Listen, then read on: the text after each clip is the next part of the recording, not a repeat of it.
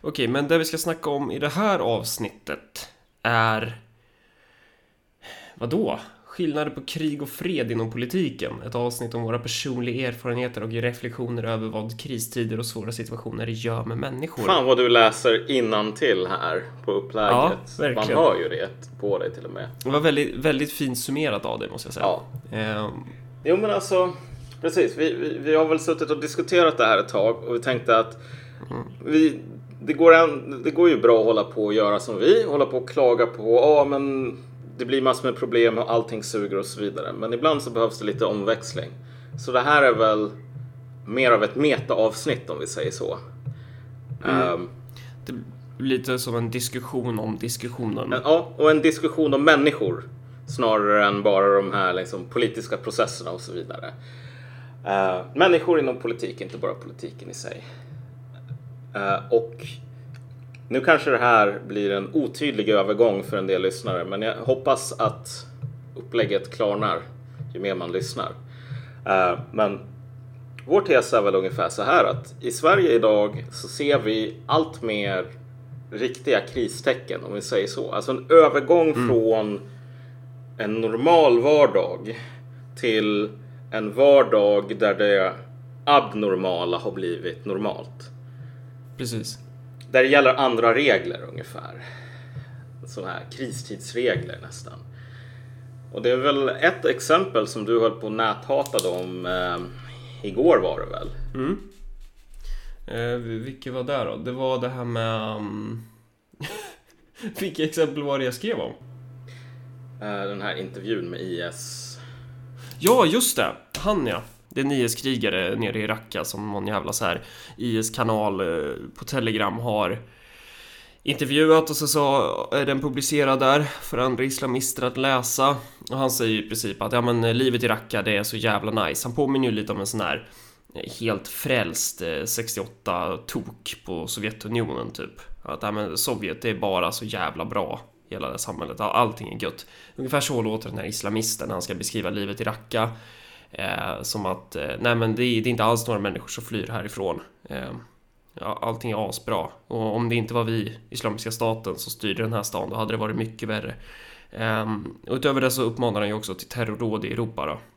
Eller i Sverige specifikt. Att man, man ska hämnas hämnas dina syskon och döda de otrogna och allt vad det är.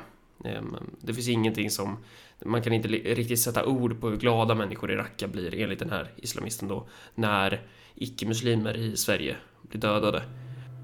Ja, precis. Jo, det, och jag tror att det där är väl en sanning med modifikation. De flesta vanliga invånarna tror jag faktiskt inte bryr sig så jävla mycket bara för att 11-åringar liksom klipps itu av en lastbil på någon gata här.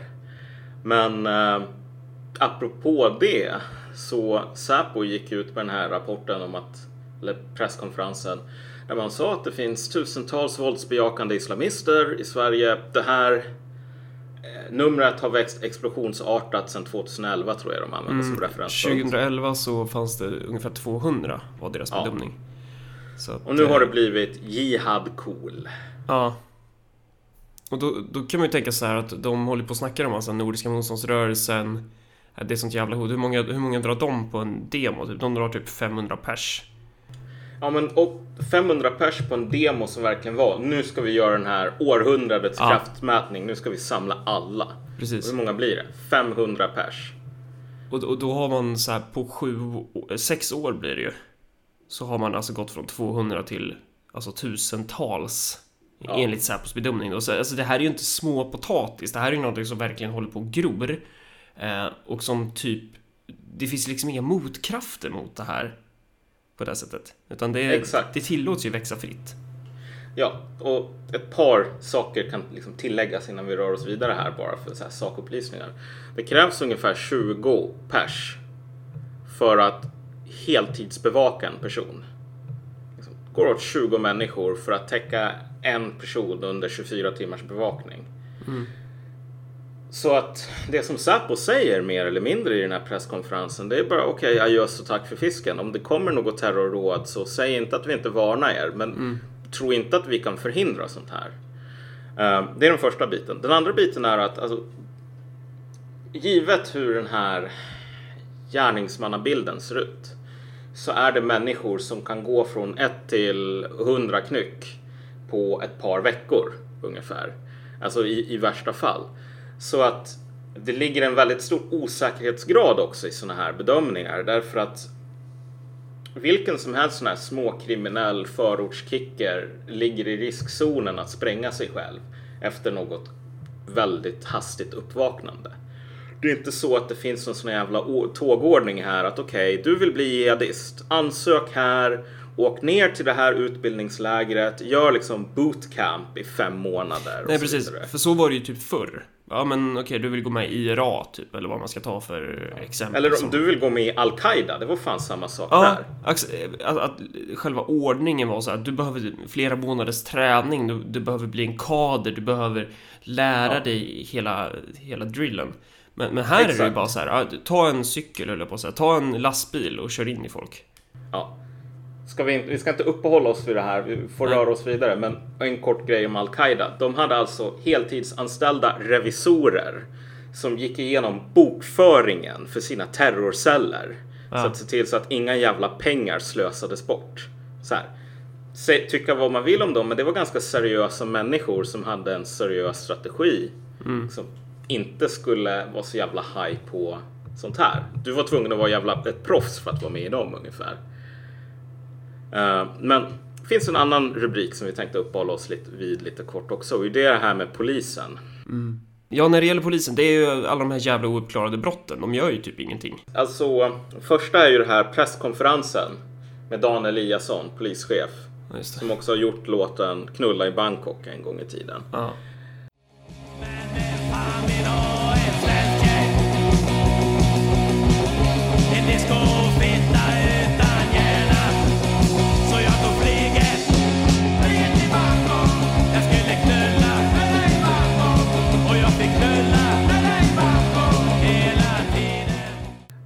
Hans punkardagar. Men han gick i alla fall, hade den här presskonferensen där han sa bara hjälp oss, hjälp oss. Mer eller mindre ett öppet erkännande av okej, okay, vi kan inte klara uppdraget. Det finns en förväntan på att det ska råda lag och ordning i Sverige därför att jag menar vi betalar skatt och allt det där men alltså det är inte en realistisk förväntning idag. Vi har inte resurser, vi har inte förmågan de här områdena där kriminella tar över, det får ni vänja oss vid. Så här kommer ju åter den här poängen som vi sa ovan, det här med att vardagen håller på att försvinna. För en gång i tiden så var vardagen så att ja, men man går till polisen om det sker ett brott och sen så blir man sur när polisen inte klarar av att mm. lösa brottet. Men vad polisen säger idag är att alltså, det där är över. Om du blir våldtagen till exempel, det där hamnar på en hög, sen så tar vi en titt på fallet, fyra månader senare och så visar det sig att bevis inte håller i fyra månader så då får vi lägga ner det. Det här mm. är det nya Sverige typ. Det, det, var ju exempel där med någon, någon kvinna som blev våldtagen och hon gick till polisen med allting och de gjorde ingenting och då tog hon livet av sig. Ja, exakt.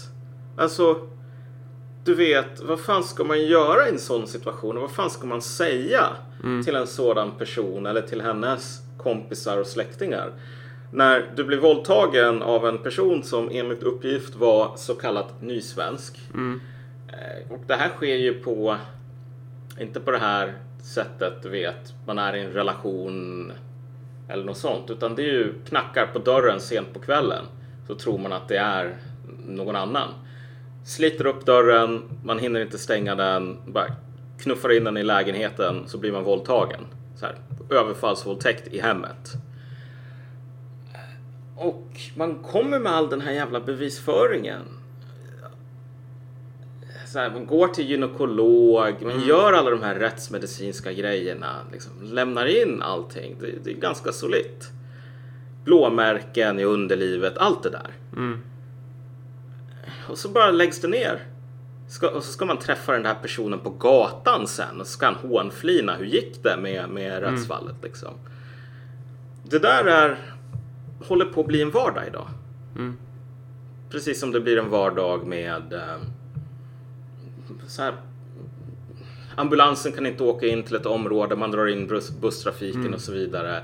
Står man som jävla snorungar på någon sån här övergångsbro och kastar stenar in i vindrutan på förbipasserande bilar. Här, bara för att de har tråkigt. Och det är också, alltså, det finns ju massa exempel man kan ta på hur det gamla normala blir, eller hur det onormala i det gamla normala blir det normala i det nya normala. Mm. Och det är ju en sak att bara så här rada upp en massa exempel och det behöver vi ju inte sitta och göra. Vi, vi, vi kan nöja oss med de här två. Exakt. Men eh, så har vi pratat om jävligt mycket i andra avsnitt och det räcker väl med att bara kolla media typ för att se att så här. Vad är det egentligen för Sverige vi håller på att få här? Mm. Eh, Och vad är det för Sverige vi har fått här redan? Eh, Det som är intressant är ju att- resonera kring vad gör det här med människorna som inte bara människorna i samhället i stort utan framförallt människorna i politiken. Mm. En sak som är lätt att glömma i alla de här, du vet, rubrikerna på Reddit om att ah, men Sverige håller på att falla typ. Det är att även efter att den här gamla vardagen försvinner så betyder inte det att det inte finns en vardag utan det blir bara någonting nytt. Jämför med typ blitzen i London. Tyskarna kommer att bomba varje dag. Människor gick upp, de borstade tänderna och sen liksom sa de okej, hur många byggnader har jämnats med marken, hur mycket bråte ska vi bära idag? Och så bar de den där bråten. Begravde döda, släckte bränder och så vidare. Det där var liksom deras vardag. Mm. Här kan man nog också se en skiktning i vilka som det är som har hängt med i det nya normala kontra vilka som är kvar i det gamla normala. Ja, eh, Varav personer inom politiken ju definitivt, alltså majoriteten av dem är ju kvar i det gamla normala. Det här är människor av och för en annan slags omgivning. Det här är människor som har skolats i eh, en politisk tid eh, som krävde en viss sorts verktyg och en viss sorts analys. Men nu när det har blivit en ny sorts tid som kräver en annan sorts politisk analys och kräver en annan sorts, en annan sorts nivå av ansvarstagande så kommer ju inte de här människorna riktigt hänga med. Mm. Och jag tror alltså det exemplet som vi har snackat om, det är ju det här skillnaden mellan krigs och fredstid. Och det är ju en sorts, det är en liknelse som vi drar här. Vi säger inte att vi är i krig nu eller att ryssen knackar för dörren. Men om vi tänker oss krig och ett land som har varit i fred ganska länge. Det som händer inom det här landets armé brukar vara så här att du har generaler som aldrig någonsin har varit i ett riktigt krig. Ehm, Ehm, och de håller på med sin jävla politik, håller på och söker befordringar, lägger pengar på sina favoritprojekt och så vidare och slåss inbördes om vem som är coolast. Ehm, de, de är bra på att överleva inom en armé fredstid. Och sen så kanske det kommer ett jävla krig. Och det som brukar hända då för överbefälhavaren det är kanske att 50% eller ännu mer av de generalerna som man har, alltså de klarar inte av krig. Alltså, de funkar inte. Man måste ge typ hälften av alla generalerna sparken. Så måste man hitta på människor i, i leden. Gå runt med ljus och lykta och söka efter människor som bara, ja men vet du vad? Du verkar vara en person som vet vad krig handlar om och som klarar av den här situationen. Det är jävligt svårt att veta vem som klarar av det i fredstid. Ja, och man skulle också kunna dra, gräva oss djupare i den här krigsmetaforen. Eh, och det är ju det här med alltså, den tekniska utvecklingen i krig. Eh, att, för, för det är ju till exempel när kulsprutan kom, alltså när, när världen indus- industrialiserades och allt det här, då vi, vissa arméer var ju typ, man var, va- det, var, det är en sak att skjuta ner Zulus i Afrika liksom. Mm. Eh, och bara meja ner dem med kulsprutor. Men sen så när man möter en motståndare som också har kulsprutor, som inte bara springer omkring med typ spjut och ja, som inte är impi-krigare, vad har de? Fyra movement eller någonting. De är svinbra i Civ 4 i alla fall, har för mig. Skitsamma. Eh, som, som, man, man, man möter en jämbördig motståndare Ja. som också har kulsprutor. Då kommer ju det här sluta i en jävla, det blir en jävla köttkvarn typ. ja. Kulsprutor, men jag tror framför allt det riktigt tunga moderna artilleriet. Inte Ja. någon sån här jävla eh, napoleanska artilleripjäser som skjuter någon jävla boll typ. Nej. som säger puff. Utan så här riktigt tunga jävla kanoner som typ spränger öronlocken på människor inom en 100 meter radius när man fyrar dem. Så här, som kan massproduceras och som är jävligt billiga. Regna ner eld från 5 kilometer bort. För det är ju det som är, alltså typ första världskriget var ju lite så. Ja, Det var ju, exakt. alltså, det var ju verkligen så här. Eh, det, var, det var väl typ till och med propagandaaffischerna från eh, kommunister. Att bara så, det här är en köttkvarn liksom. Du ska Ja. in i borgarens köttkvarn. Imperialistens köttkvarn. Att det blev ju bara ett jävla ställningskrig och så var det bara miljoner och miljoner människor som eh, arbetare primärt som, som ställdes mot varandra och sen bara maldes ner i det här kriget. Eh, och de här generalerna, de, de blir på något sätt förblindade för det faktum att deras soldater bara mejas ner. Ja, nej men exakt. För man är, man är skolad i ett visst sorts mindset. Som Ja. inte riktigt är kanske anpassat då för den aktuella tiden och den faktiska motståndaren. Så man, blir, man har väldigt lätt att bara skicka ut människor i döden. Ja ja, och det var också så här. Ingen av de här generalerna som startade första världskriget trodde att första världskriget kunde hända, om vi säger så.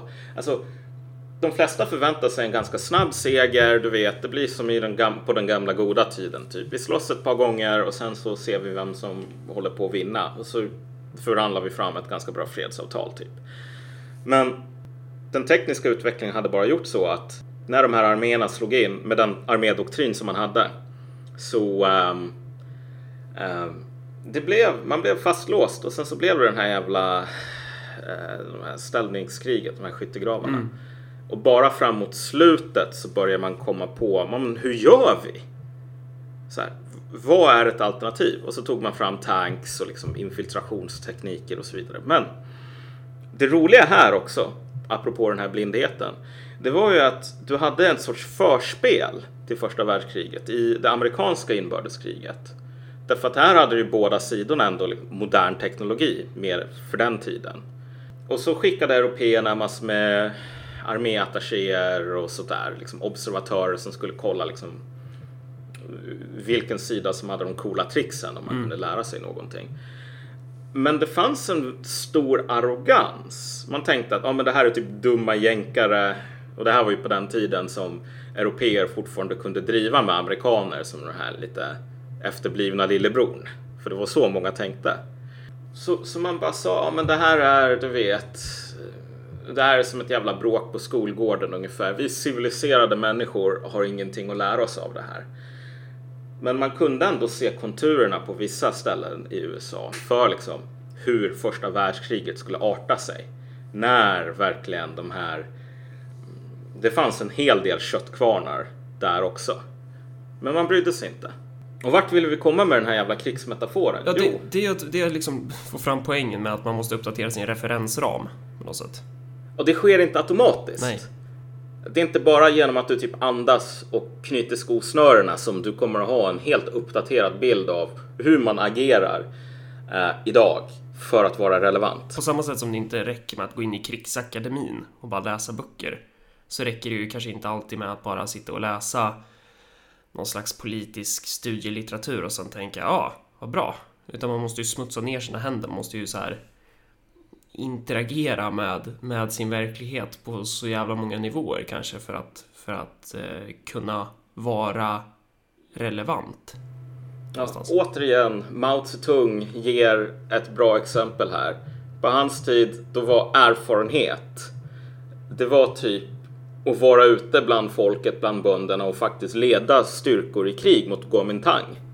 På vår tid, i- vår tid är det så här, erfarenhet, det är att gå på någon jävla studiecirkel om Mao. Så att saker och ting har ändrats ganska mycket. Att vi har bara de här människorna som är booksmart. Därför att det finns, inget, det finns inget krig. Och när vi talar om krig i det här avsnittet, om vi inte direkt talar om maskingevär och kanoner, då talar vi om den här krissituationen. Den här situationen där saker och ting ställs på sin spets, där man måste sluta jiddra och börja trolla. Precis, där man måste ha en ny sorts referensram som man kan se. Det finns bara dåliga alternativ här och man är beredd Ja. att kunna ta ansvar för att man kommer fatta bara dåliga beslut, men det gäller att fatta det, det bästa dåliga beslutet. Ja men exakt. Nu tror jag att du går lite för hastigt till. Det kanske inte är så att alla lyssnare hänger med. För, för, för om vi tar ett steg tillbaka och bara plockar isär det här. Ehm, varför är det så att i ett krig, när, man, när, när krigsförklaringen kommer, hälften av generalerna är värdelösa. Liksom. Varför är det så? Jo, därför att hälften av generalerna har inte de färdigheter och kanske den personlighet det lynne som krävs för att ha artilleripjäser som håller på att explodera och liksom kunna fatta de här besluten under jävla hård press och inte Mm, ha sovit precis. på 30 timmar. Som sagt, referensramen. Ja, alltså, eller jag tror referensram är fel ord. Referensram handlar väl kanske om, Ja, ja, men Eller fan, man fattar väl poängen ändå. ja, referensram men också den personliga styrkan bara. Ja, Man måste vara rätt sorts person. Och vi vet kanske inte riktigt vad det är som är rätt sorts person i en krigssituation. Det där är inte våran jävla område och Nej. expertis. Men när det gäller våran liknelse här till politiken. Inom politiken så finns det en färdighet som vissa har och som vissa andra inte har. Och det var den som du var inne på. Det här med att fatta beslut i en situation där du måste ta ansvar för att människor svälter eller lider eller till och med dör. vi kan ju ta ett aktu- aktuellt exempel. Så här, nu kommer Raqqa falla. Eh, Islamiska staten kommer ju troligtvis bli helt jävla krossad. Eh, och då kommer ju alla de här jävla eh, IS-terroristerna som är svenska medborgare, de kommer ju återvända till Sverige. Och vad gör man då med de här människorna? För det här är ju folk som typ, jag vet inte vad, eh, våldtagit barn och bara eldat familjer typ. Ehm, alltså de är ju inte så jävla kul i huvudet direkt. De, alltså, att bara då tänka så här, men vi... Det räcker med att ge dem ett jobb och se till så att de kommer in i samhället. Det är ju, då är man ju dum i huvudet. Då har man ju inte en uppdaterad referensram riktigt för vad, vad det är man jobbar med här. Eh, om, man, om man då ska jämföra med kanske Storbritannien och Frankrike. Vad gör de med de här återvändarna? Jo, de skickar ju ner specialstyrkor innan de här personerna återvänt. För att man ska knäppa dem, så att de inte återvänder. Mm. Eh, och, och Sverige har ju inte direkt... Och det är ändå så här cred till Storbritannien och Frankrike som skjuter sina egna medborgare och i alla fall är ärliga med det. Men Sverige är ju inte ens, eh, inte ens där. Så det är så här, Sverige skulle ju kunna skicka in särskilda operationsgruppen men man har valt en annan väg som är ungefär lika illa för de inblandade. Vad är det man säger? Alltså, det skulle vara jättebra om de här irakierna kunde döma de här människorna på plats. Och det betyder mer eller mindre klarspråk.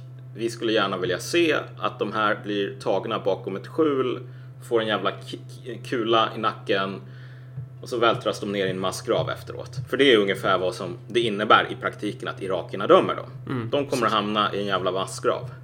Eh, Men då är frågan så här, hur stor procentandel av den nuvarande politikerkåren, eller politikerklassen vad man vill säga, hur många av dem tänker i de banorna? För att det här är ju ett nytt fenomen på något sätt. Eller ja, nygammalt kanske. Alltså, om, om du ger det här alternativet till en, till en social-liberal människa, må, må den vara, kalla sig socialist eller liberal eller vad det nu kan vara, men då kommer man ju inte vilja tänka de här banorna för att det är ju till att börja med så är det ju fascistiskt och rasistiskt att tänka så. Eller Mm. kanske bara totalitärt eller auktoritärt. För att man är ju, man har ju skolats i en annan tid, man har ju skolats i en fredstid. Man har ju Mm. skolats i en tid då det är okej att vara passiv och inte behöva göra någonting. Men jag håller med dig, men jag tror att vi återigen måste liksom skala ner den här konflikten till dess innersta kärna här. För vi kan ju ha vi, våra egna åsikter om hur de här människorna borde hanteras. Men, men den springande punkten i behandlingen av de här eh, återvändarna är ju att vad du än väljer så är det ett dåligt alternativ. Du kommer att skapa offer. Det är så här, skickar du en person som eh, hållit på och mördat och våldtagit och haft en jävla powertrip nere i Raqqa. Ut i den svenska offentligheten. Visst, en del av dem kommer kanske att gå jättebra för. En del andra kommer att inse att eh, vanan att hålla på och mörda och våldta, den är svår att bryta när man väl har fått smaken för det.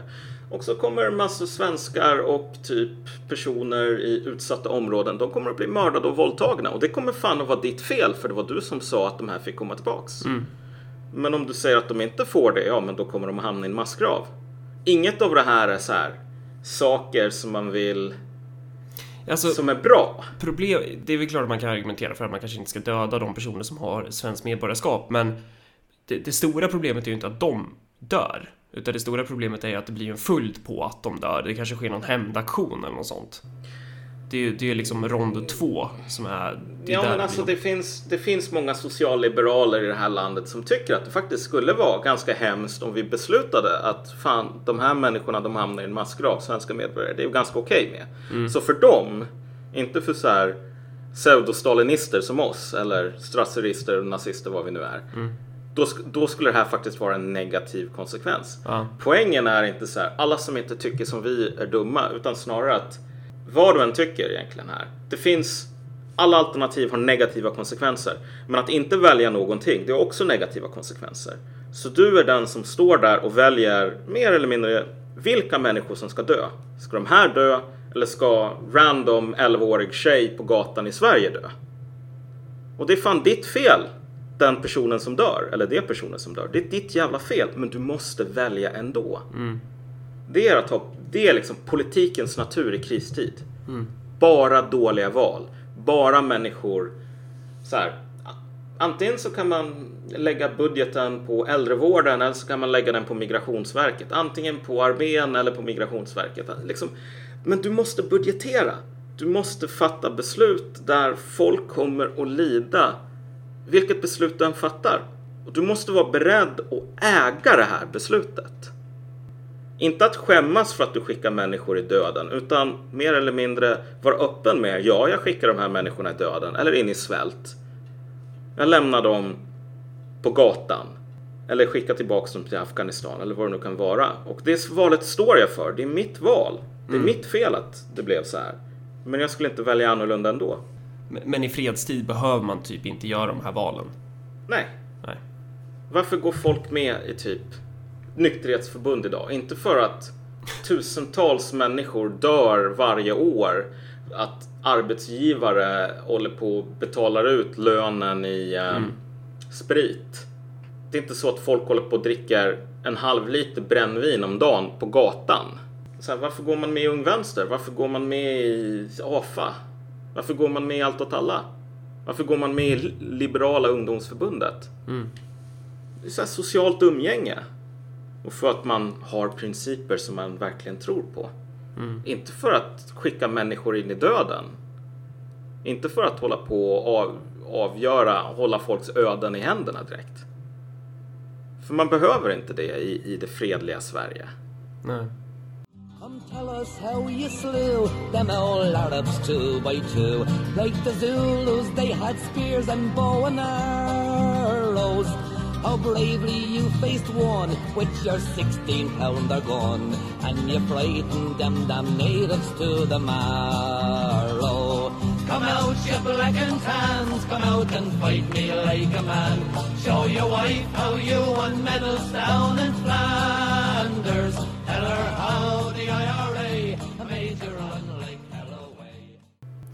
Men o- om man ska ta egna erfarenheter, om man tittar runt. Alltså, de politiker som vi har haft är ju politiker som har varit jävligt duktiga på att anpassa sig till en, en, en tidigare normalitet. Men den här normaliteten förändras ju i väldigt hög fart, i högre fart än vad de här politikerna förändras kanske. Ehm, och, och då har det ju snarare varit gynnsamt att kunna säga så här, när man ställer sig för dåliga alternativ, om man nu behöver göra det, vilket man ju sällan behöver. Men, men då skulle man bara kunna så här, lägga armarna i kors och säga nej, och så bara går man därifrån. Man vill, man vill inte vara med. Man vill inte göra någonting som hämmar ens eh, identitet, som, som liksom rubbar på ens eh, det status quo man, man trivs så bra i. Ja, exakt. Och jag menar, vi har ju ganska många människor som ser sig själva som den här Lenins arvtagare, vi är marxist-leninisterna i Skåne, bla bla bla. Men oavsett om man tycker att de är bra eller jävla idioter, så här, vi får ha en sorts objektiv förhållningssätt till dem i det här avsnittet i alla fall. Och det objektiva förhållningssättet är ju att hur bra intentioner man än har så är det så att vara med och vara Lenins arvtagare i Skåne idag eller för fem år sedan i alla fall. Det var ju att vara den här generalen i fredstid. Man håller på och läser Clausewitz eller vad nu de läser, typ Lenin och så vidare. Och så säger man, ja men det här kommer jag göra när revolutionen kommer. Och så har man liksom ingen aning om vad det faktiskt innebär i realiteten. Så de har ju aldrig... Det där är inte en miljö som, precis som du säger, skapar, som sorterar efter här, vilka som klarar sig i en tid som vår. Mm. Och det är nu som vi börjar sort- som, som krisen börjar sortera människor. Och då ser man ju återigen, man kan tycka så här Vänsterpartiet är bra, man kan tycka det är dåligt, man kan hålla med dem eller inte hålla med dem. Och vad vi står här, det är inget jävla mysterium. Nej. Men om jag ska ta ett steg tillbaks här och ge en objektiv bedömning. Det som jag ser hos Vänsterpartiet, hos väldigt många inom vänstern idag, liberaler också för den delen. Ja, precis. För vi vill ju inte bara haka upp oss på just Vänsterpartiet, Nej. även om det är lätt eftersom det är därifrån vi var ju tyvärr med där en gång i tiden. Ja. Men vad fan, det här kan säga, det här gäller ju för Moderaterna också för fan. Ja, alla den här sortens mainstream-politiker, typ. Ja. Man ser den här, de här svåra valen typ. Okej, Ja. Vem ska jag skicka in i döden? Människor som går in på akuten och sen så blir de hemskickade med en jävla Alvedon och så visar det sig vara någon så här riktigt farlig sjukdom. Mm. Men vi har inte budgeterat för att du ska få den här farliga sjukdomen så du får gå hem och dö. Mm. Eller så ska man skicka någon person tillbaks till Afghanistan för vi har inte budgeterat att du ska få komma hit. När den sortens val blir en realitet, när man inte bara kan hålla på och sjunga We shall overcome. Hallå, nu tycker jag att vi gemensamt i denna sal sjunger We shall overcome. Då ser man hur människor plötsligt, de fryser som rådjur mitt på motorvägen. Stirrar in i de här jävla lyktorna som kommer närmare och närmare. Men de kan inte röra sig. Nej. De kan inte gå framåt, de kan inte gå bakåt. Nu har vi terrordåd, ja, kanske inte en gång i veckan, men går, vi går ju typ däråt. Alltså, det, det är ju så mycket terrordåd som man kan typ märka det i så här antalet klick det genererar för varje, nu är jag riktigt cynisk, men om, om vi ska ta något mätbart så.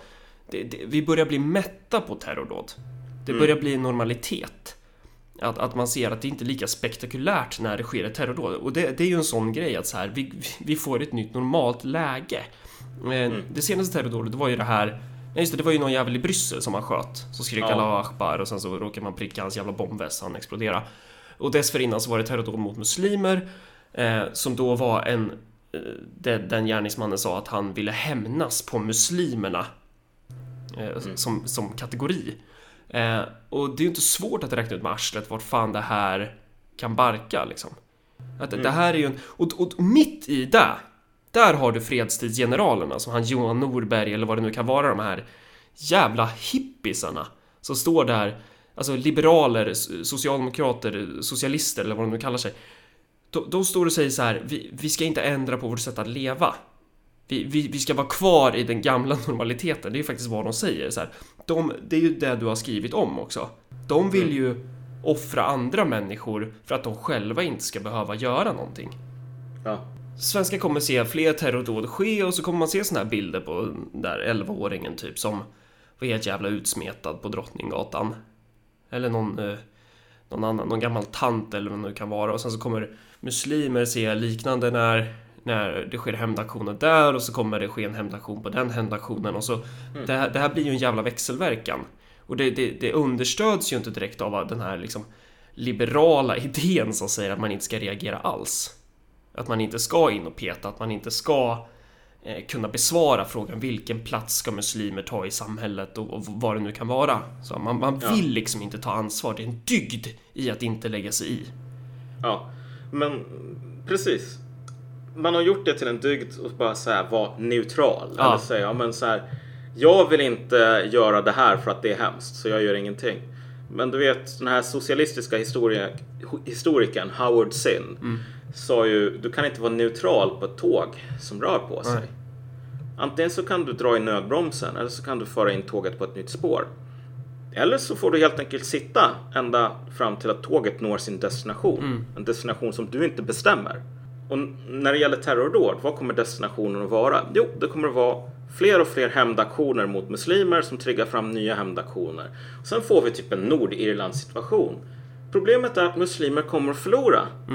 Så här, att vara neutral som många tror i vänstern men också de här jävla liberalerna att det här är det schyssta mot muslimer och säga nej men vi kan inte hålla på och ha terrorlagar och sådär för det blir ju hemskt. Okej, s- de här, den här avsaknaden av terrorlagar kommer att funka lika väl till eh, de här eh, medborgargarderna Ja, som börjar skjuta folk i sängen. Folk som radikaliseras på en kvart efter att ha sett massor med jävla bilder på lemlästade småbarn på en jävla fjortiskonsert. Ja, för det ska ju också sägas att den här ny- nyliberala bantade staten som har bara sugit ur resurserna från likt typ aliens i Starship Troopers suger ut hjärnan på folk. Att det, det är ju typ så nyliberaler gör med offentliga institutioner. De kommer där och så bara... Alltså, den staten är ju inte direkt kapabel att, att hantera det här. Eh, Så, så det, är verk, det är ju typ fritt fram. Så därmed, däremot kan man ju säga också att eh, om man tittar på vilka som utgör den statsapparat som finns kvar så eh, de, de, står ju, de står nog lite längre bort från salafister än vad de står från personer som kommer tänka ja men jävla muslimer, vi ska döda dem. Ja, Även där så är ju pendeln åt eh, även alltså i nackdel för de personer som eh, som vill driva sin muslimska diaspora till undergången genom att hålla på och göra som de gör. ja, precis. Jag menar, nu går du lite grann retoriskt som katten kring het gröt här. Ja. Men kärnan är ju bara att okej, den dagen som du får en aktion av islamister i veckan och sen en aktion av folk som hämnas på islamisterna i veckan. Ungefär som det var Irland under den värsta perioden. Då kommer det visa sig att ganska många poliser rycker på axlarna åt en sida här. Det kommer fan inte vara islamisterna liksom. Det är väldigt få poliser i Sverige idag som tycker, vet du vad, sharia det är fan ganska bra. Kvinnor som går utan slöja eller äter på ramadan, de förtjänar kanske det här. Det finns nog ganska många inom polisväsendet som tycker, ja men vet du vad, jag har varit polis, Botkyrka, skicka tillbaks djungelaporna eller låt dem smaka på lite het bly så lugnar de ner sig. Och, och det här är då det här har ju vi tjatat om rätt länge nu och det, och det är ju det som de här fredstidsidioterna Ja, kastar skit på oss. Alltså, så här, varför ska man överhuvudtaget uppmuntra eh, skapandet av flera kategorier? Alltså, vad, vad, vad är det fina i att bedriva, alltså att skattefinansiera islamistiska skolor, att skattefinansiera radikaliseringsinstitutioner? För det här bidrar ju enbart till att spä på den här polariseringen. Det man ska göra det är ju att utrota den här polariseringen. Att se till att, att så här mergea ihop den. Ja, men, ska du bo i Sverige då måste du ju bli ett med, den, den, med majoritetssamhället. Alltså det är ju så jävla viktigt. Och, och, det, och det kommer ju bara... Vi kommer få se, alltså jag tror att vi kommer förstå det mer och mer över tid. Eh, För att det här, det här är fan... ja, Jag, jag vet inte om jag är helt konspiratorisk och borde så här gå och hämta lite folie och göra en hatt åt mig själv, men jag är fan nojig alltså för vart, vart vi är på väg liksom. Ja men alltså precis. Jo men det är jävligt tydligt vart vi är på väg. Men om vi ska återgå lite grann till den här röda tråden. Det finns Ja. ett ännu bättre exempel på den här skillnaden som vi har talat om mellan krig och fred inom politiken. Och jag menar, Hanif Bali, jag, jag är inte något större fan av den personen sådär. Men det är också ett tecken i tiden när man måste ge honom rätt i en jävla fråga. Därför att han hade ju någon sån här Twittergräl med Soran Ismail, tror jag, för ett år sedan ungefär. Och då sa Hanif Bali mer eller mindre att okej, jag ser inte människor som ettor och nollor bara som man kan räkna på. Men faktum är, i kommunfullmäktige, varje gång det kommer ett nytt barn måste jag fixa fram 70 000. Ehm, varje gång det kommer någon som är funktionshindrad till kommunen måste vi fixa fram flera hundratusen. Jag måste hitta någonstans att ta de här pengarna ifrån. För om jag inte gör det, då kommer de här personerna inte kunna gå i skolan. Och de som har funktionshinder, de kommer inte kunna bli matade. De kommer inte kunna gå på toaletten. Så de kommer att svälta ihjäl i sin egen jävla avföring. Så här, vart ska jag ta de pengarna ifrån Soran Ismail? Du som inte vill ställa människor mot varandra. Och det svaret från Soran blir bara, ja men vet du vad, det där är ditt jobb. Jag ställer inte människor mot varandra. Det är under min värdighet. Vad fan händer den dagen som Hanif Bali får ett jobb på Svenskt Näringsliv och säger Fuck this, I'm out. Jag behöver inte sitta i kommunfullmäktige och budgetera. Så här. Då, den dagen så måste du fan ta det där ansvaret om du har någon jävla fina humanistiska idéer. Du måste fixa fram pengarna. Du måste bestämma vem det är som kommer att få stå utan. Och det visar ju också vilken jävla död flytkorv humanism, alltså humanismen på ett samhälleligt samhälleligt plan är. För att om man, man vill så här man vill ta det som man anser är det goda valet, man, men man är aldrig beredd att jobba för det. Så man är ju Ja. aldrig beredd att så här, gå in själv i den här matchen. Man har levt i ett Sverige där man kan hålla öra, eh, liksom, stoppa tummen i örat och säga jag hör inte det här, jag hör Ja. inte det här. Och så resultatet av det, därför att det har varit en jävla fredsperiod, det är inte att det är massor med människor som dör på gatan. Men i våran tid, när polisen säger kolla inte på oss. Blir du våldtagen? Ja, ja, okej. Det är ju synd för dig i och för sig, men alltså kolla inte på oss. Vi kommer inte att lösa det här åt dig. Och när Säpo säger kolla inte på oss. Det finns flera tusen islamister här. Vi har inte några möjligheter att se till så att de inte spränger folk. Det får ni fixa själva. Precis, men, men även om då politikerna kanske inte riktigt hunnit med i utvecklingen. För att det ska ju också sägas att de här problemen som drabbar Sverige, det drabbar ju inte politikerna. Och det är också en del i problematiken med att de lever i isolerade bubblor. Att politiker lever så jävla långt bort från folk. Att man, man behöver inte leva av konsekvenserna av sina egna beslut i samma utsträckning som eh, rustboskapen måste. Så att de personer som kommer vara snabbare i att anpassa sig till en ny normalitet, det är ju personer som är långt bortom de etablerade partierna. Eh, och, Ja. och det tror jag är en ganska viktig poäng att komma ihåg gällande just det här. Var i hittar man egentligen det rätta virket för det fartyg som måste byggas för den kommande stormen? Men du, här måste jag fan avbryta dig. Ja. Därför att visst, din poäng om politikerna, den är ju sann. Samtidigt så här, om du är en sån här dynastisosse. Vad, är det, vad är din funktion? Det är att sitta och käka eh, massariner. Ända tills det kommer en pöbel och tvingar dig att fly i ditt privata jetplan till Schweiz. Det är liksom din funktion.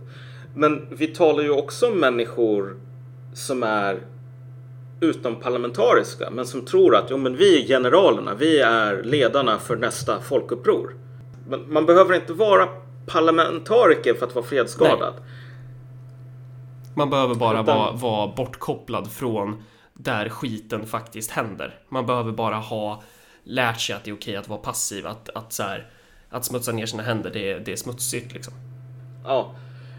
Men, men den här rötan som vi talar om, den Ja. slår hårdare mot så här folk som inte är cyniker som Mona Sahlin som Mm. säger ja, men jag vill sno åt mig pengar tills det inte går längre och sen så får jag se vad jag gör då.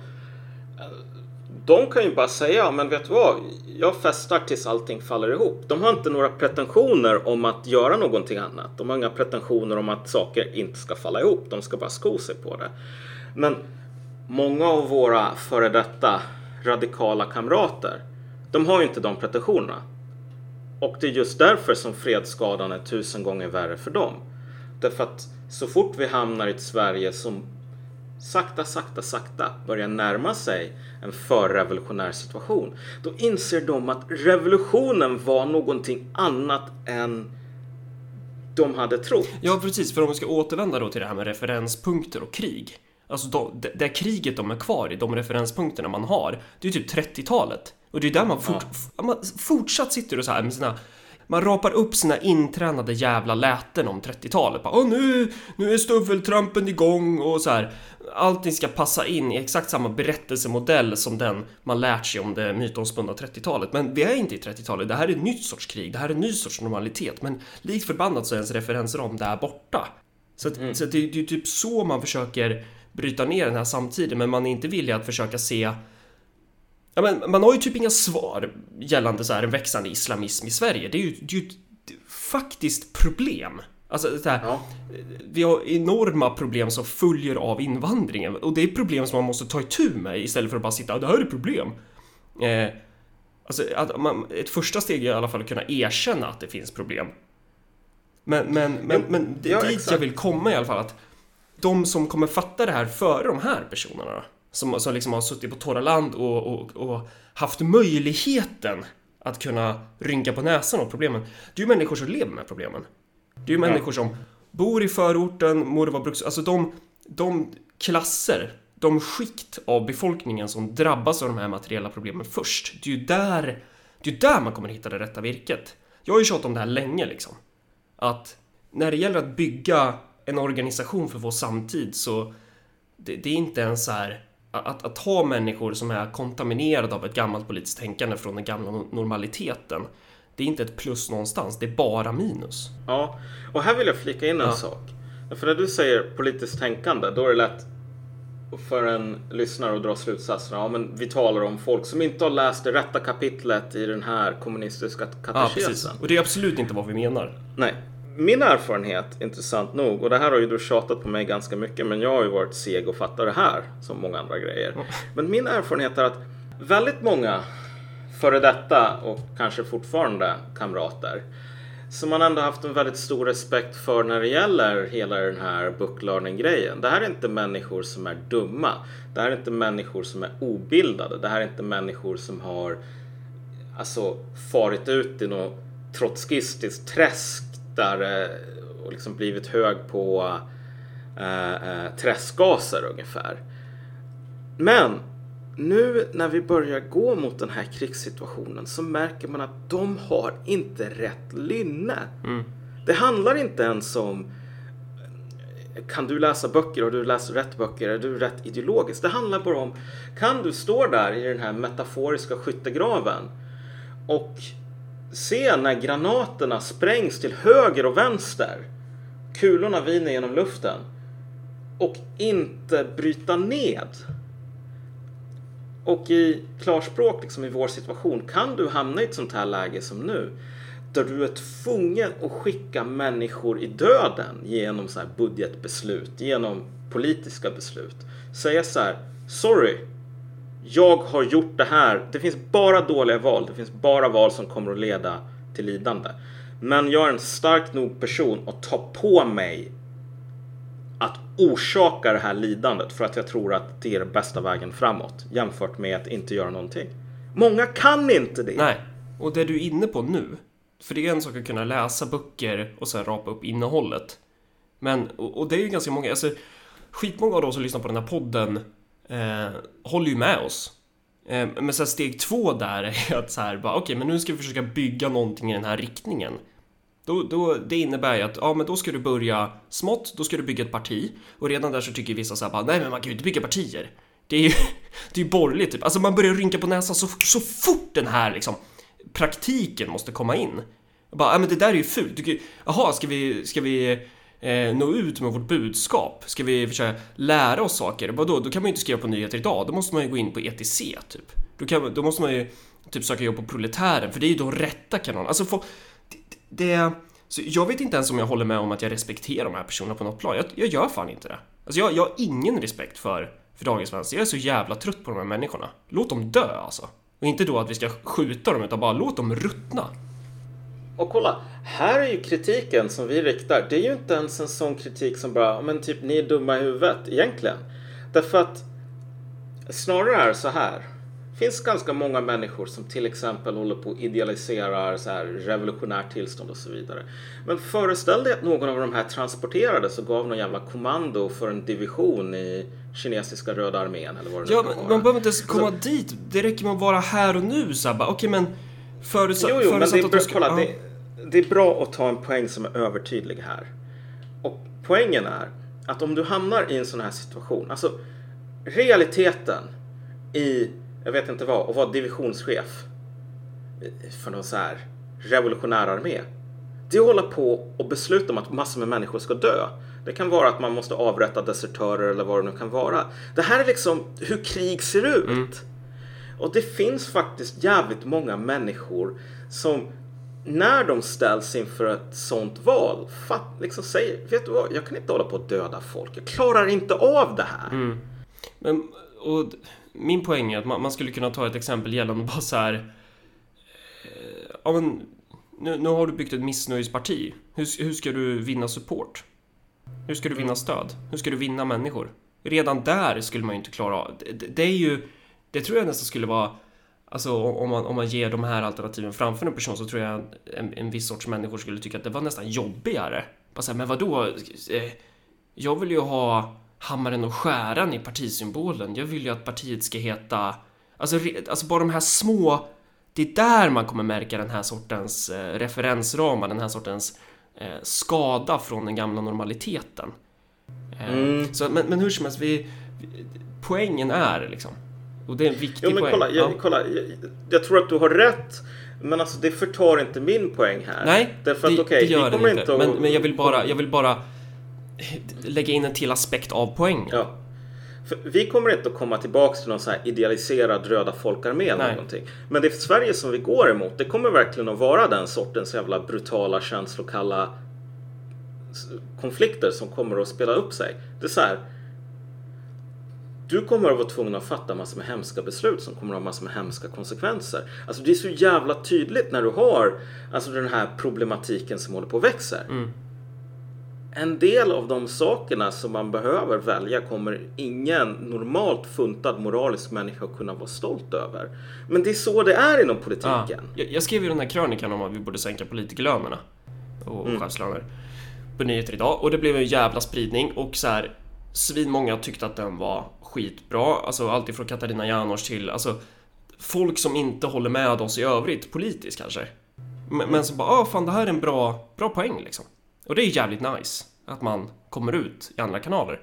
Eh, men så här, de här små snikna jävla vänstermupparna som de kommer in. jag- I någon mening så hade jag typ skrivit att jag hade Ja, man skriver om den socialliberala invandringspolitiken och så skrev jag det i samma mening som eh, typ pensionärer som tar livet av sig för att samhället har svikit dem. Och så kommer folk in där och bara såhär Ja vadå, försöker du dra en koppling mellan att det, att det finns en koppling mellan pensionärer som tar livet av sig och invandringspolitik? Va, vad är poängen i att använda ens det ordet socialliberal invandringspolitik? Alltså redan där! Redan där är de ju helt jävla efterblivna! Och det är det här som jag blir så trött på, alltså Det, det enda som någon, något troll som Hanif Bali behöver säga är ju du får mitt jobb. Här! Du kommer nu att ha full makt över hela budgeten för den här kommunen. Inklusive äldrevården. Ha så jävla roligt. Ja, och, och, det, och men, men man, man vill inte vara ett jävla troll för att det, genom att ge den här sortens människor, alltså det här är den, det här är den mest farligaste sortens människor. Det, det här är de värsta, alltså det här är de värsta. För det här är de som, de som inte är kapabla att se verkligheten för vad den är. Det är ju de som blir farligast när de har makt. För det är ju de som kommer vara den här jävla generalen som liksom bara, ja men kulsprutan, den enda referens man har till det, det är typ att man skjuter ner Zulus. Som inte kan göra något tillbaka. För de springer där med spjut och sköldar. Men när du ställs mot en fiende som har toppmoderna vapen också, ja men då kommer din jävla armé mejas ner. Din, din jävla ansvarslöshet innebär nederlag. Men, men, det, Alltså- men, men det är upp till dem att vara så, men så här, man ska ju aldrig Kolla, låta... ja. kolla jag, jag tror, nu blir du lite för raljant. Jag vill nästan säga settle down Beavis. Därför att frågan är hur farliga är de här människorna? Hur många av dem skulle säga när ha, trollet Hanif Bali säger du får budgetera för äldrevård? Hur många av dem skulle säga ja? Det är jävligt få som skulle säga ja. Alla skulle säga ja men sorry jag har tvättid. Sticka och sen liksom emigrera till fucking jävla Portugal. Bara för att komma bort. Ja, att men om de inte skulle göra det, om de skulle komma till makten så skulle det ju fortfarande vara jävligt farligt. Ja, visst, men så här. Det är just här som är grejen. Om du är så här fredsskadad och sen så inser du att det här är inte att hålla på och sjunga Kumbaya. Det är otroligt få som stannar kvar. Men det är just det som vi håller på att se. Det är inte så att den breda vänstern eller socialliberaler håller på och monterar någon politisk offensiv idag. Det enda som man gör är att man sitter på ETC och klagar. Åh gud vad hemsk utvecklingen är. Men det är just det som är poängen. Det här är människor som har checkat ut. Det här är inte människor som kommer att slåss för att sitta som top dog. Nej, och sen så när typ Man- invandrare och kvinnor röstar på Sverigedemokraterna så kommer man med såna jävla nya ord om homonationalism och man ska så här gå den här omvägen för att hela tiden aldrig behöva ändra på sig själv. Jo, jo, men man vill inte ändra på sig själv på grund av att man fattar att om jag ändrar på mig själv, om jag hade en offensiv politik, då skulle det fan vara jag som satt där i Hanif Balis jävla läderfåtölj. Och då skulle det vara jag som skickade människor i döden. Det skulle vara jag som sa till den här jävla ungen, sorry, du får ingen skola. Det skulle vara jag som sa till den här personen, sorry, men Försäkringskassan har inga pengar. Du blir utskriven kan inte gå på toa själv. Du kommer att svälta ihjäl inom en vecka. Men sorry, det finns inte några pengar. Jag tar ansvar för det här. Liksom. Rösta bort mig om du inte tycker om det.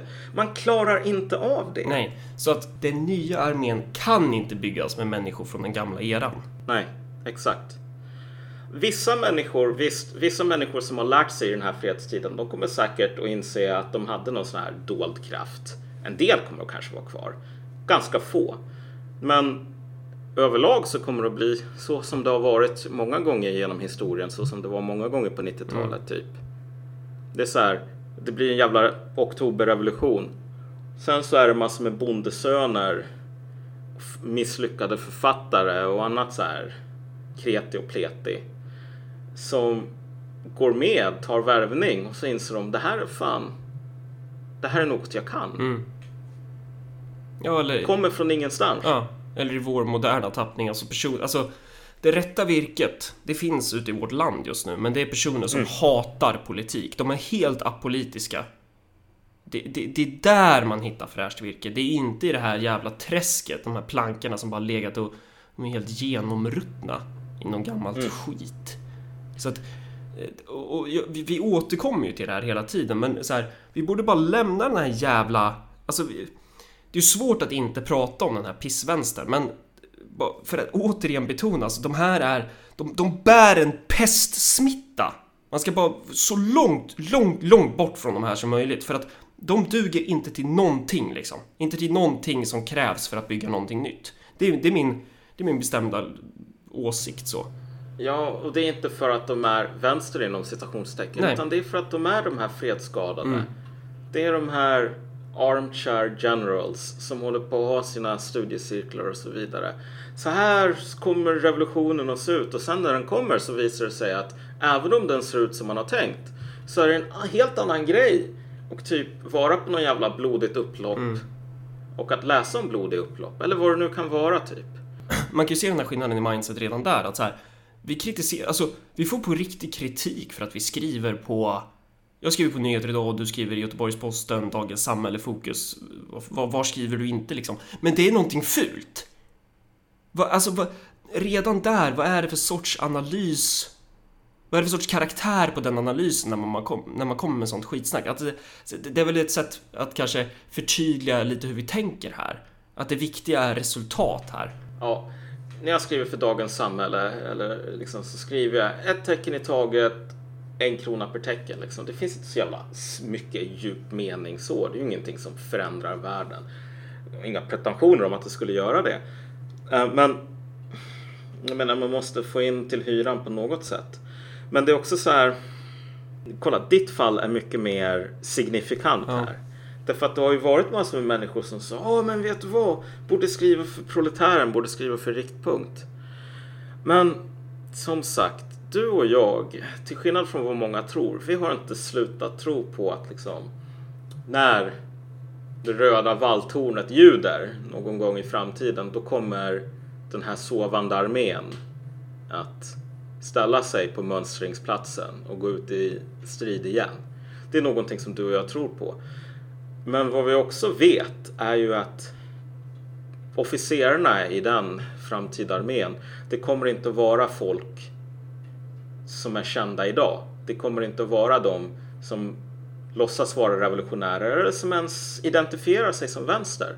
Vänsterns hopp kommer att komma bland alla de här jävla Bland de som vänstern, alltså vänsterns hopp ja. ligger hos dem, eller vänsterns hopp finns fan inte. Kommunismens hopp ligger hos dem som vänstern hatar. Exakt, och de hatar också vänstern. Ja. Av jävligt försvarliga skäl. Men på något plan också, och här har du ett problem med liksom den moderna avsaknaden av eh, liksom, arbetarrörelsens klassiska bildningsideal. Mm. Det är folk som på allvar har köpt den här stora lögnen om att nej men jag skulle aldrig kunna hålla på med politik. Mm. Det är bara någonting för tråkiga jävla feta sossar. i dyra kostymer som vill hålla på och skinna pengar från eh, heligt folk. Och jag är för dum för det. Jag har typ bara gått ut gymnasiet. Liksom, jag kan inte hålla på med det här. För jag är för dum. Och det enda de får höra från en politisk sida då, det är typ dels den ena sidan som säger så här bara haha din jävla pissloser, du särskriver och eh, jag vet inte vad. Eh, typ ja, du har inte läst Foucault typ. Medan den andra sidan säger så här bara ja, men du gå med i Sverigedemokraterna. Du blir en del av oss, vi älskar dig. Och sen så kommer de ju hugga de här personerna i ryggen i slutet ändå, men det är ju Ja, ja. att, att, det, det är den aspekten också. Exakt. Men, men det är ungefär så som det sker med ett stratifierat samhälle när det hamnar i total jävla kollaps, upplösning. Det är folk som aldrig någonsin var påtänkta för avancemang. Som flyter upp till toppen. Som inser att de har massor med dolda talanger som globalisterna, för att citera Alex Jones, liksom, inte vill att de ska veta om. Så här, vem fan var Khrushchev från början? Liksom, vad föddes han som? En jävla dum bondeson i Ukraina typ. fan kan en sån människa hamna ingenstans på, på landet? Men eh, det funkar inte riktigt så.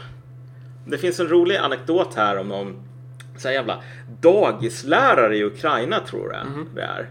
Som, ja men han är en jävla dagislärare, typ mild person. ehm, gör inte en fluga för när. Men sen så kommer hela den jävla revolutionära omkastningen av samhället och så vidare. Eh, Svält, strapatser, krig, inbördeskrig. Och han bara får något ryck, tar värvning och sen så inser han att det här var fan det som jag var skapad för. Så överger han sina drömmar på att bli världens bästa dagislärare och så blir han en jävla folkkommissarie istället. Det är sådana grejer som händer. Fram, framtidens folkkommissarier, eller vad vi marxism, allardismen väljer att kalla dem. Det kommer inte att komma från drivbänken i allt åt alla eller någon drivbänk idag. Det kommer att vara människor som tvingas fram av den kris de lever i och upptäcka sina dolda talanger. Samtidigt som många av dem som har gått med sån jävla hög svansföring över att jo, men vi är de riktiga revolutionärerna och så vidare. Sekunden de ser människor ligga och förblöda på gatan eller någon sorts motsvarighet, typ. Folk som inte har råd att äta eller liksom folk som blir gruppvåldtagna eller vad fan det nu kan bli. De kommer att inse att jag är inte en stark nog person för att klara av det här. Och det är fan så det ska vara. Man måste bränna ner skogen för att rädda den. Poängen här är inte att hålla på med något så här självförhärligande. Och många håller ju på och klagar. Vad fan håller ni på och uh, tjatar och tjatar om den här vänstern? Bara rör er vidare. Men det i sig, att vi måste hålla på och tjata om den, visar ju på att vi inte är några jävla liksom übermänniskor så, utan det är inte lätt att bryta break the conditioning som Alex Jones skulle säga. Det är inte så himla lätt att Jag känner att jag är klar med dem. För jag, jag har ingen eh, egentlig anledning att bry mig om dem. Så. Jag, jag satsar på att bygga mitt jävla Örebropartiet och, och sådär. Eh, och det är ju det är verkligen ingenting för världen. Alltså det är jättelitet parti, det är jättesvagt. Eh, vi har inte jättestora ambitioner. Så. Men det, det är någon... Det bygger ändå på en analys lik den vi kan höra i det här avsnittet. Att, att man man måste bygga någonting nytt och med nya personer. För att när det är typ så här vänsterpartister eller så här folk som tänker att om ÖP det är ju typ en del av vänstern. Alltså när de ansöker till oss och man träffar dem då får man ju förklara för dem att nej, du har helt missuppfattat det här. Det är, du är inte den sortens material som, vi, som, som är relevant för det här liksom. Det, det, då är det mycket bättre att träffa typ en SD-väljare som är förbannad. Man bara BRA! Kom med här! Du är en del av oss. Bli en del av det här liksom. Och kolla, när man säger till någon sorry, du är inte relevant material för det här. Då är det ju inte så för att man är någon så här elitist som håller på att slå sig själv och bara ja men jag är så jävla bra, inga jävla underlägsna raser här. Utan det är ju bara att man vill undvika att de själva ska behöva inse fem veckor in jag är inte re- relevant material för det här. För det, kommer, det är ju det som händer. Liksom. Det har man ju många erfarenheter av. Ehm, folk hoppar av självmant just för att alltså, det här var inte vad jag tänkte på. Så. Um, så det är ju ingenting som vi håller på och säger här på att oh, men du är dålig, du är, inte, du är en fredsmänniska, du är inte en krigsmänniska. Så här, det här är inte en bedömning som vi gör om folk utan det, vad vi säger här är att folk själva i sin egen subjektivitet kommer att göra den här bedömningen. Liksom, utan att bli tvingade av någon elak närking typ. Därför att, vad fan, vi går mot en jävla kris. Vi är på många sätt i en kris redan. Som slår jävligt hårt. Och det finns ingen förberedelse så. Nej. Och ta bara det här med, vi står inte ut. Men vi slutar aldrig kämpa. Öppna gränserna igen. Hur många av de här har lagt fram ett förslag på hur man budgeterar? Du vet, Migrationsverket kostar ju mer än hela polisväsendet och försvaret tillsammans. Fråga någon som säger jag står inte ut. Hur har du, vad har du tänkt att göra om det blir krig i Europa? Pregnant tystnad. Därför att man har inte tänkt på det och man är inte en sån person som skulle Även om man hatar sossar så får man väl ändå säga typ någon som Tage Erlander sa okej nu är det krig, det får vi fan ta och acceptera, så här ska vi göra. Men har man den karaktärsstyrkan inom vi står inte ut men vi slutar aldrig att kämpa? Jag tvivlar jävligt starkt.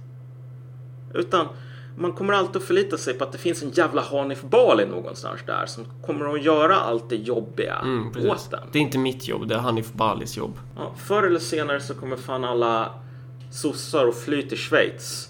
Och Hanif Bali kommer att ta ett jävla välbetalt jobb på Svenskt Näringsliv. Då kommer det inte att finnas någon som man kan ringa i den rosa telefonen till. Och bara säga ja men hjälp! Du måste fixa det här. Och om du inte fixar någonting då, då kommer saker att förbli ofixade, vilket kommer att innebära bara förlorade människoliv.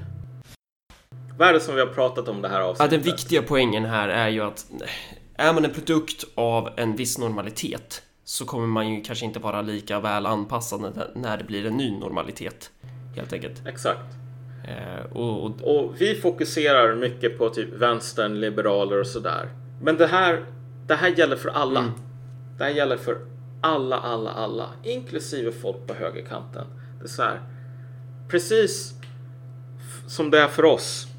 Det finns en stor jävla skillnad på de här människorna som sitter i allt åt alla och super och knullar och sen så blir det helt plötsligt kaos. Vet inte vad de ska göra. Skit i allt åt Du alla alltså. Jo, jo, men om du... Ja, men jag tar dem som Ja. ett jävla exempel här. Men om du är höger. Ska du kalla Johan Norberg liksom en av dina? Hur jävla bra kommer Norberg att vara i en kris, typ? De har precis samma problem. Det är en stor jävla skillnad på krig och fred. På kris och icke-kris. Och vi håller på att gå från eh, det här föregångslandet Sverige till landet Sverige som rivs i tusen olika jävla problem.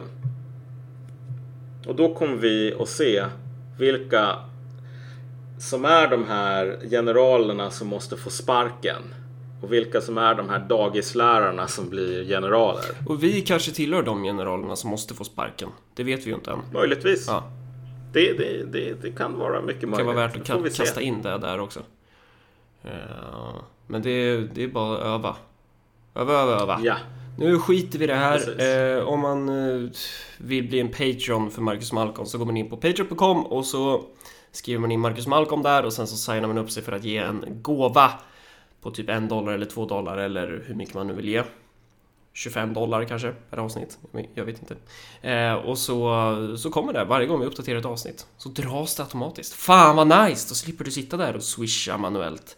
Åh vad, vad trevligt. Och för dig som inte har Patreon, eller för dig som inte orkar skaffa Patreon och kanske har Swish, varför man nu skulle ha i den ordningen, så kan man swisha en gåva till 0790 10 72 23.